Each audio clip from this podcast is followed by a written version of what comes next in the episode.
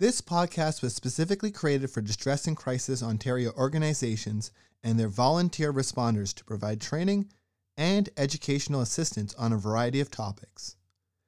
As information evolves and changes, these podcasts are meant to offer ongoing support with the goal of updating them on an ongoing basis.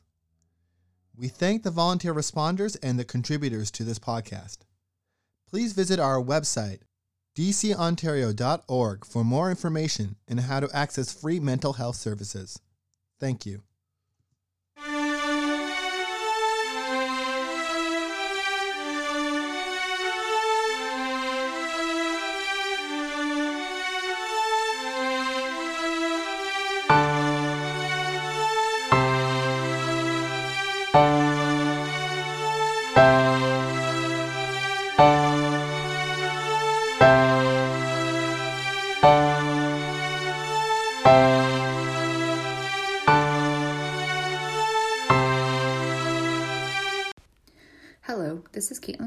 Program Coordinator at Distress and Crisis Ontario, and this week I am joined once again by Val, a former volunteer at Distress Centre Durham and winner of the Distress and Crisis Ontario Spirit of Volunteerism Award in 2018.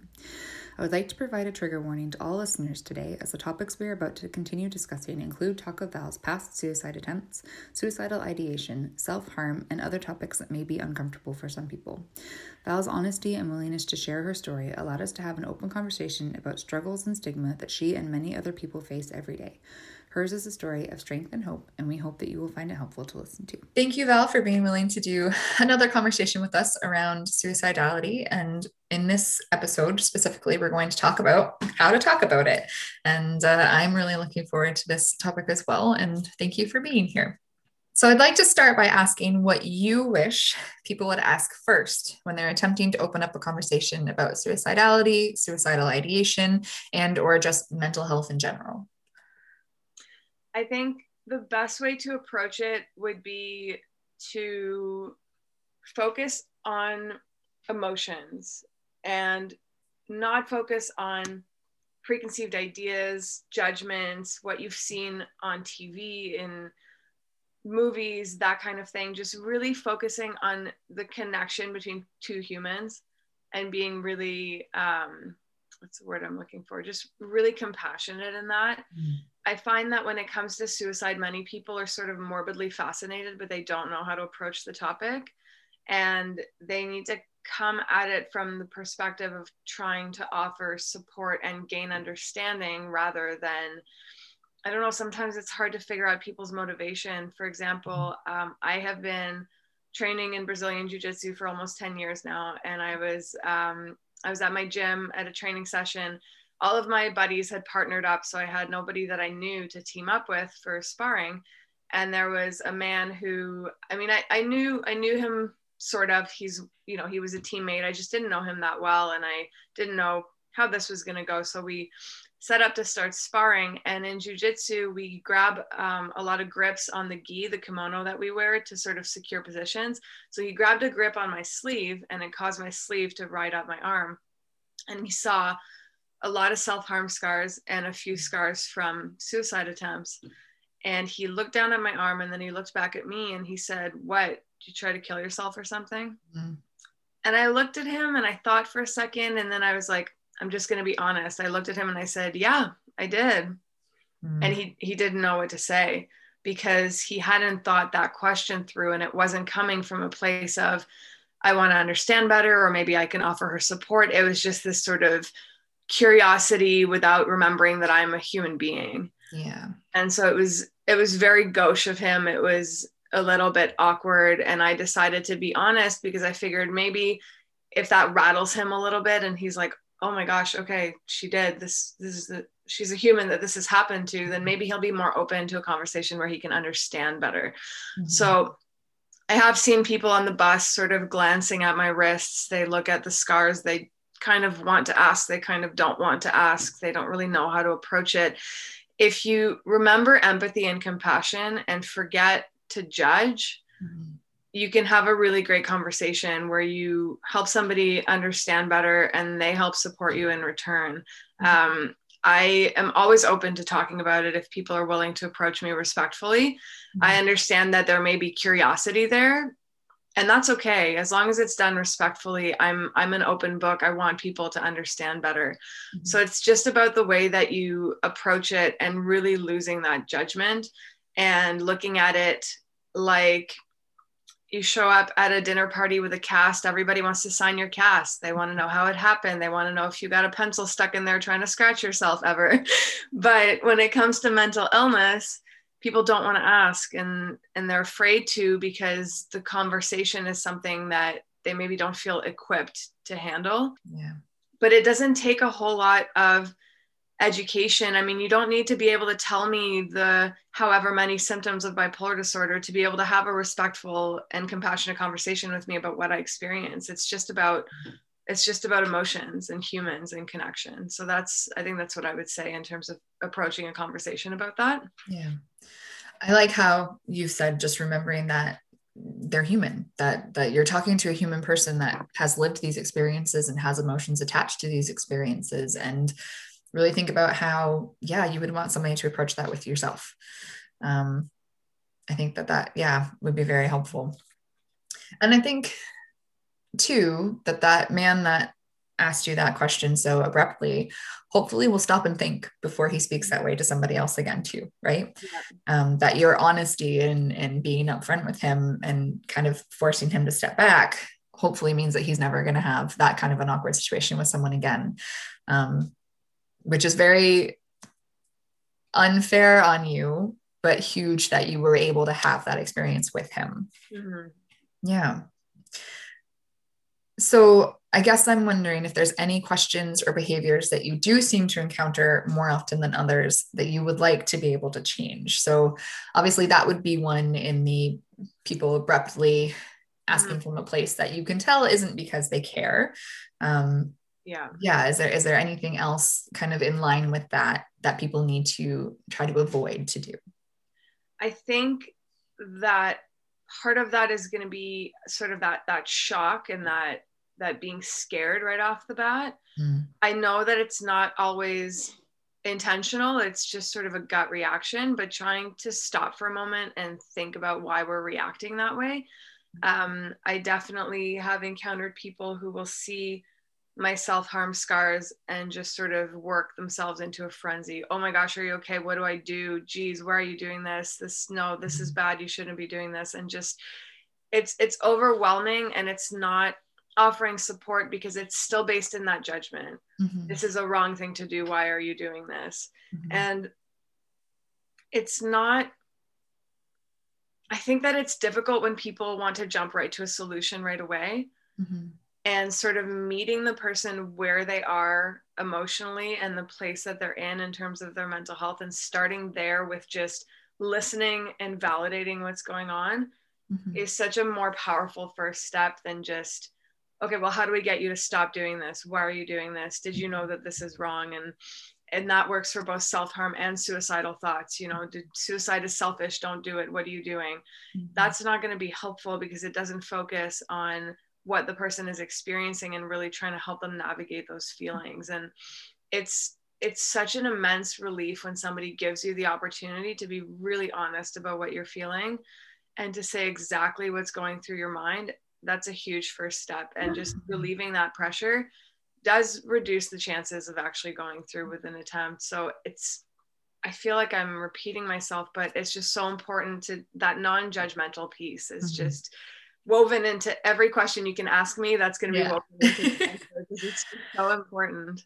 And, and it sounds to in listening to how you're speaking about this that most of those reactions that make you feel uncomfortable are the reactions that completely turn it away from you. Right. It's the reactions that then make you feel like you have to make that other person feel better and that's not what these conversations should be about. Like it it, it should not be your job to comfort somebody else's discomfort with your experiences right yeah. at least listening to yeah you talk about this and and the questions that seems like people seem to get caught up in asking it becomes about them feeling better about themselves yeah. through your experiences and that's not how you should ever approach a conversation with someone No, I love that you're putting it that way because that's that's exactly what it is. That's a brilliant way to put it. I as somebody who deals with mental illness and suicidal thoughts, if you ask me about those, you're absolutely right. It shouldn't be about how can I phrase this in a way that makes sure you're comfortable in the mm-hmm. situation. Mm-hmm. Because there will be a little bit of discomfort because we are still working on destigmatizing it. We are still working on educating ourselves on different mental illnesses and how all of that functions and affects people. So there will be a little bit of discomfort, but that's where the growth happens and the mm-hmm. learning happens. So I think you're absolutely right if we can make it about the person who's experiencing those things as opposed to what's the societal norm that we need to adhere to to make this conversation not quote unquote awkward or uncomfortable mm-hmm. so i mm-hmm. think you're absolutely right mm-hmm. and i think it's fair if you have somebody who approaches you in that kind of harsh maybe kind of a make me feel better way to step back and say this doesn't feel like a productive conversation can we try to approach this in another way? Because yeah we we have different ideals here and maybe we need to try to get on the same page somewhere. I don't think that you if you are someone who feels uncomfortable in a conversation you don't need to continue that conversation. Right. um I, yeah i think it's fair to say i'm willing to talk to you about these things if you can take a moment to step back and be more respectful with your questions. Absolutely um, sorry, we've kind of jumped through a few of my questions here, so I'm trying to figure out uh, where we should go from here. So, what are some of the things that we can do in our day to day lives, either as someone who has had these experiences that we would like to share, or as someone who wants to ask questions mm-hmm. to combat the stigma that surrounds these discussions? I think there's a lot to be done when it comes to stigma. The first thing I, there's no order of these things really. They're all important. But one of them i think would be getting comfortable with using the word suicide and being mm-hmm. honest about what we're saying and what we mean when we're discussing it. And sort of hand in hand with that is also not sort of either sensationalizing suicide or trivializing it um, you know, my favorite TV show got canceled. I'm going to kill myself. No, you're not. That's just yeah. a flippant way of using that phrase that minimizes and invalidates what people are experiencing when they truly are suicidal. So trying not to be nonchalant with using those terms. It's the same with diagnoses. Yeah. Oh, it was raining this morning and now it's sunny. The weather's so bipolar. No, that's not what experiencing that illness is like. And it diminishes what people are living when you're using those terms so um, so sort of off the cuff like that. So being mindful of the language that we use because language really does construct our reality and the way that we interact with the world. So being really mindful of our language when we're discussing mental illness and suicide and making sure that it's respectful and it's understanding of the reality of what people are experiencing that's that's a huge one. And i think that this is less the next thing is less something that individual people can do day to day but i think as a society we need to be very mindful of how we're portraying all of that in the media mm-hmm. in tv shows and movies and books. Um, we often see the image of the young girl in the bathtub who has cut her wrists and just slowly drifts off to sleep and it's very romantic and beautiful. That's not what suicide is. It's it's a tragedy. It's painful to so many people. It's painful to the person who who kills themselves. It's it's not pretty and romanticizing it really doesn't help either. So as a society there's a lot of work to be done but as individuals we can also like i mentioned be mindful of the language that we use and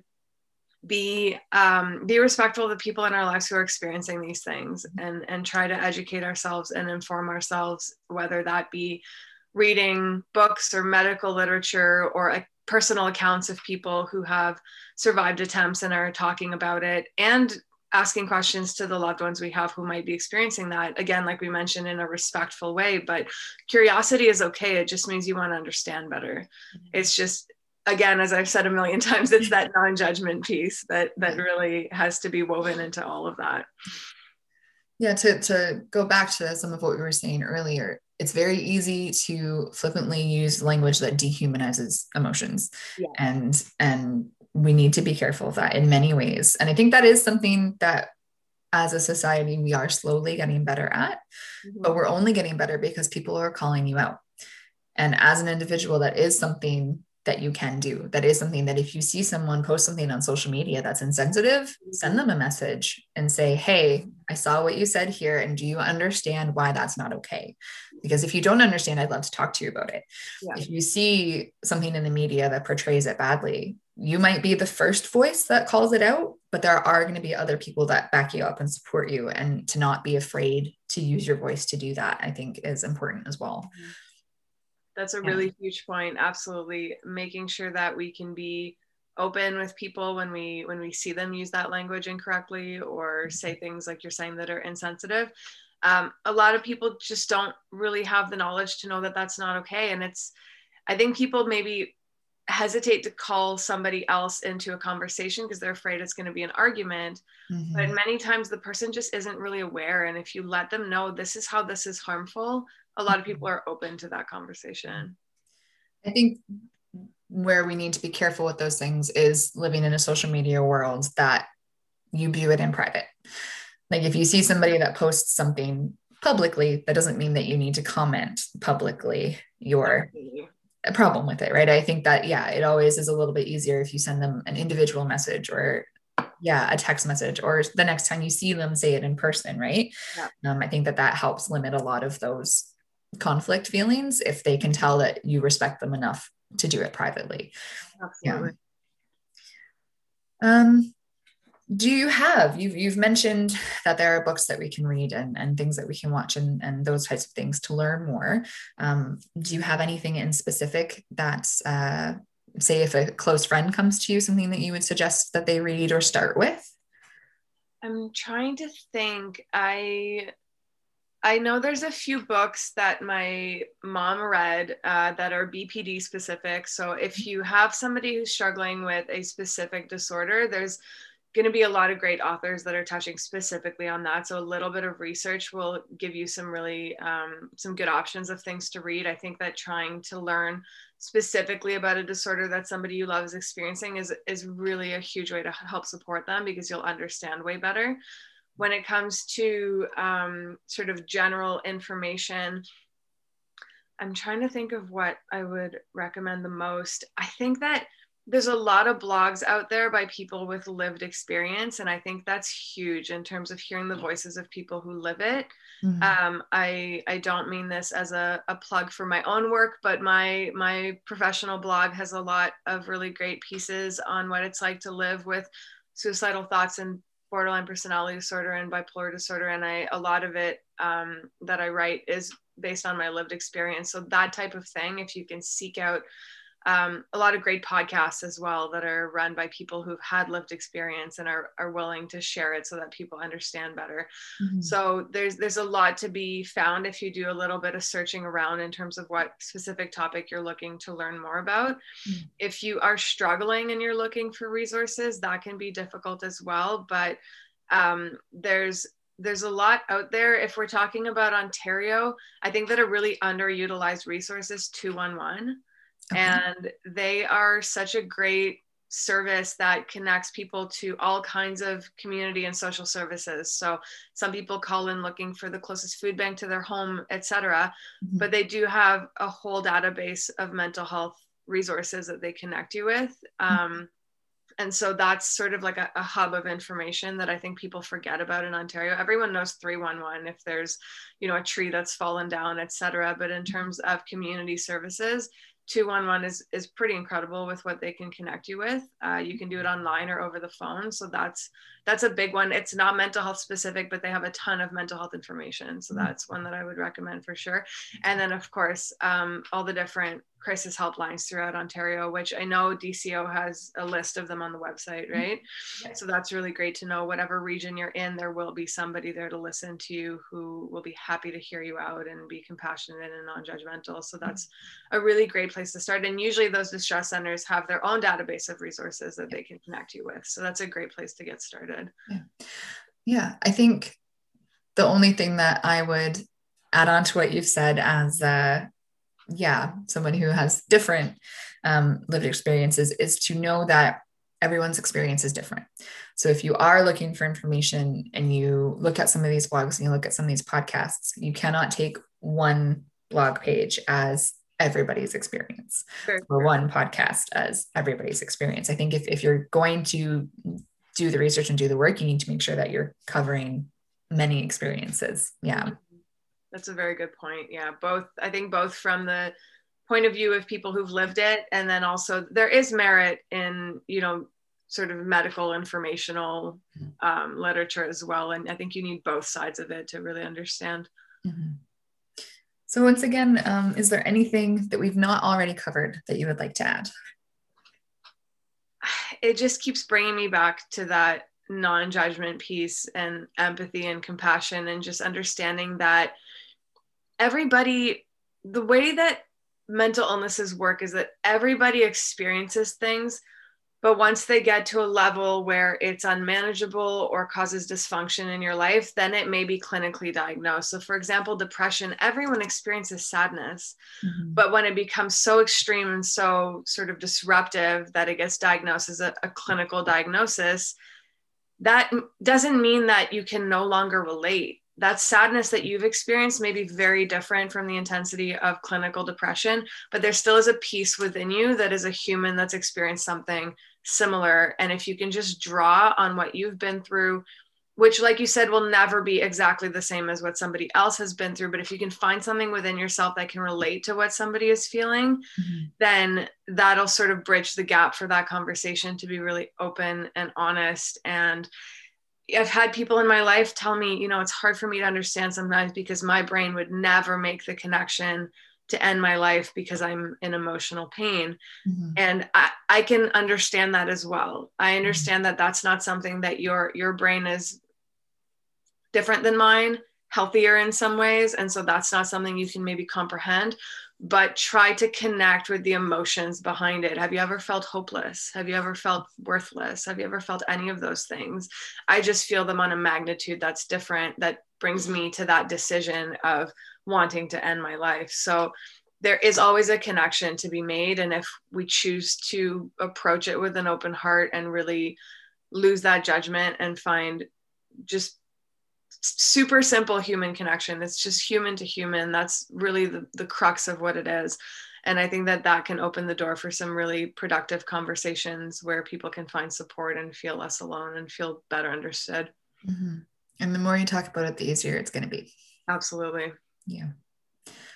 Thank you so much. I really appreciate, uh, yeah, your openness and your willingness to have this conversation with us. Thank you for having me. I am always grateful to be able to work on dismantling that stigma. And it's really great to see organizations like yours that are willing to have those open conversations. Thank you. Hi, I'm Damien, one of the editors of the DCO Learning Forums podcast. We are committed to providing the most current and up to date information. With your help, we can make it better. Please consider going to tips.pinecast.com slash jar slash distress dash and dash crisis dash ontario.com or by clicking the link in the show notes. And by donating, monthly contributors will be able to access a special podcast feed. In it, we'll have additional content and some more in depth pieces on some of our most popular topics. Thank you.